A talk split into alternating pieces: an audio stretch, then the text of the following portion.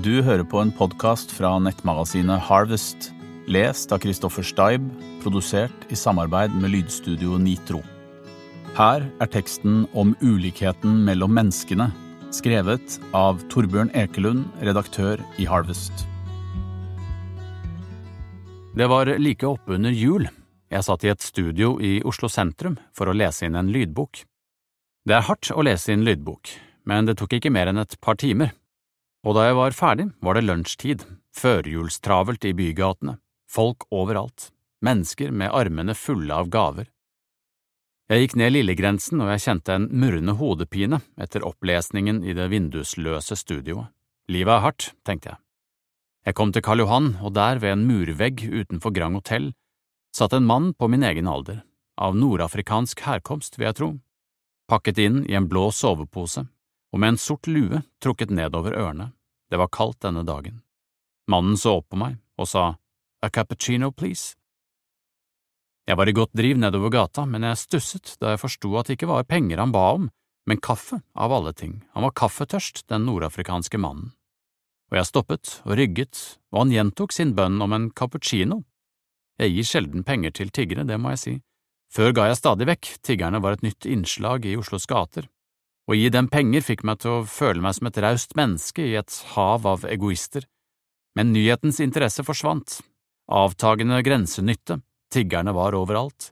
Det gikk rykter om at de var brikker i et organisert nettverk, at bakmennene tok alle pengene de fikk i koppen og dette ga meg en grunn til å stramme inn på givergleden. Men her satt en mann og spurte om en cappuccino. Den ville være kald lenge før bakmennene fikk kloa i den. En plutselig, frigjørende tanke slo ned i mitt hodepineherjede hode, og jeg sa just a minute, friend, og stakk inn på Deli de Luca like ved. Disken bugnet av lunsjretter, for mange, selvsagt, for mye å velge i, mens jeg ventet i kø bak fire kinesiske turistjenter som filmet seg selv med rosa selfiestenger, mens de fnisende bestilte noe verken jeg eller jenta bak disken skjønte hva var.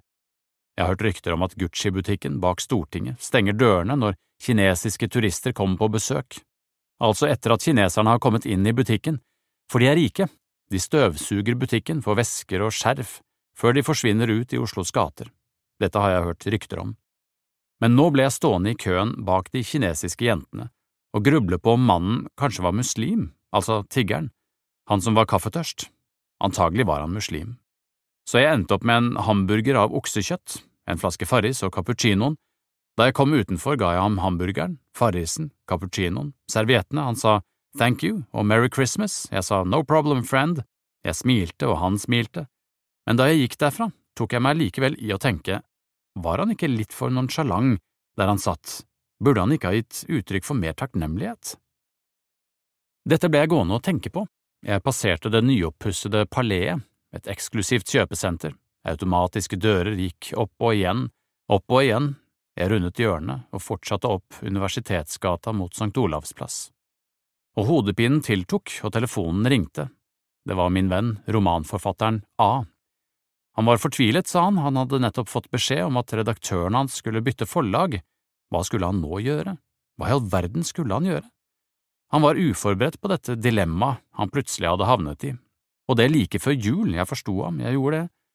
Og dette diskuterte vi mens jeg krysset St. Olavs plass, der det tidligere lå en restaurant som het Ylayali, oppkalt etter kvinnen som helten i Hamsuns roman Sult drømmer om.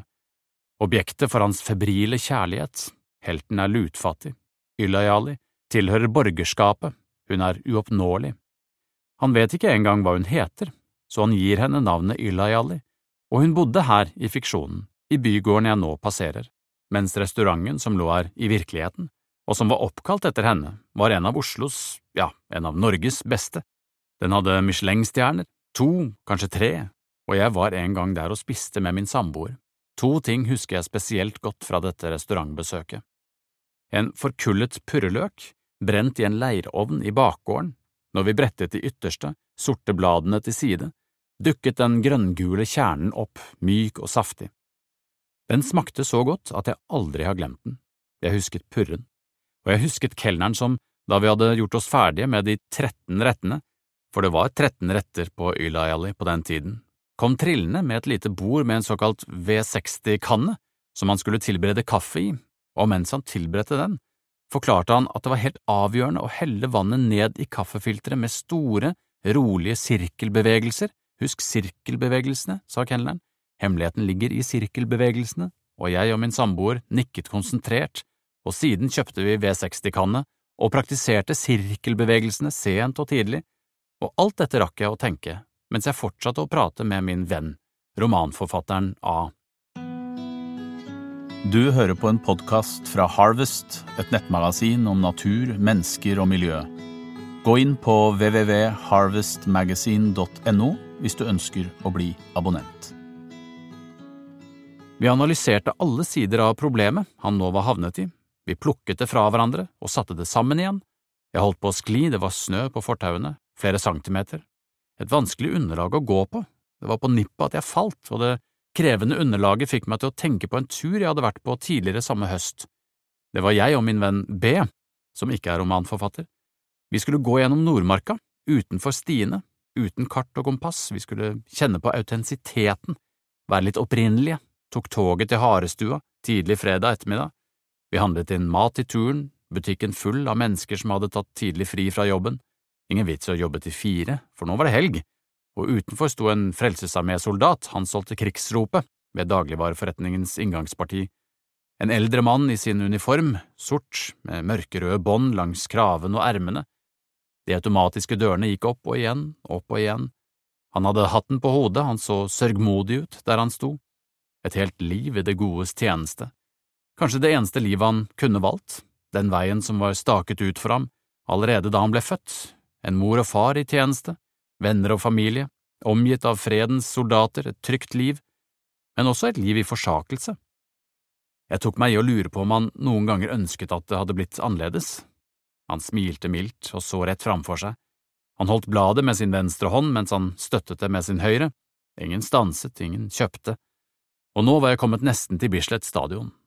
Like ved ligger en restaurant som jeg nå passerte, den heter Kolonialen, og den tok for et øyeblikk min oppmerksomhet vekk fra Frelsesarmé-soldaten, for på Kolonialen hadde jeg også spist med min samboer, den var bejublet blant Oslos restaurantanmeldere, men var den egentlig så god som de ville ha det til, var den ikke ganske ordinær, forglemmelig, selv om tartaren med løpstikket virkelig smakte. Når du passerer Kolonialen, har du Bislett stadion rett framfor deg, tankene streifet innom Kuppern og Hjallis, disse merkelige Olsenbanden-aktige klengenavnene. Jeg tenkte på samholdet som eksisterte her på 1960-tallet, nordmenn i alle aldre med pølser på termos og buljong i koppen, en ung nasjon med begrensede ressurser, mennesker fulle av fremtidsoptimisme og dugnadsånd. Sånn har vi fått det fortalt, kanskje er det bare en myte, antagelig er det bare en myte. Det er ikke lenger skøytestevner på Bislett, og 10 000-meteren varer så lenge at folk ikke orker å se den på TV og dette til tross for at skøyteløperne i dag går dobbelt så fort som kuppelen og Hjallis gjorde.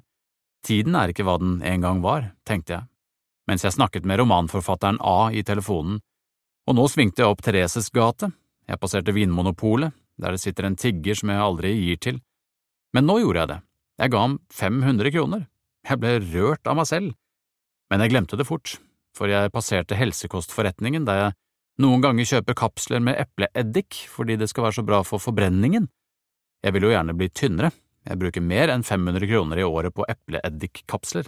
Jeg skal innrømme det. Nå må jeg legge på, sa romanforfatteren A. Jeg også, svarte jeg og kjente hodepinen fra lydbokinnlesningen i panna. Vi ble enige om at dette var en stor livsavgjørelse, så stor at det var fornuftig å la den bero, tenke på det gjennom jula, slik at romanforfatteren A ikke tok forhastede beslutninger når det ikke var noen grunn til det. Han hadde tross alt ikke begynt på sin neste roman, og klokka nærmet seg ett, arbeidsdagen nærmet seg slutten. Jeg åpnet døra til kontoret, og der satt min venn C i en merkelig posisjon. Han satt på en stol og hadde føttene på en annen, og med mobiltelefonen tok han bilder av skoene sine, nye vinterstøvler i lyst, semsket skinn. Hva driver han med, tenkte jeg, hvorfor tar han bilder av skoene sine?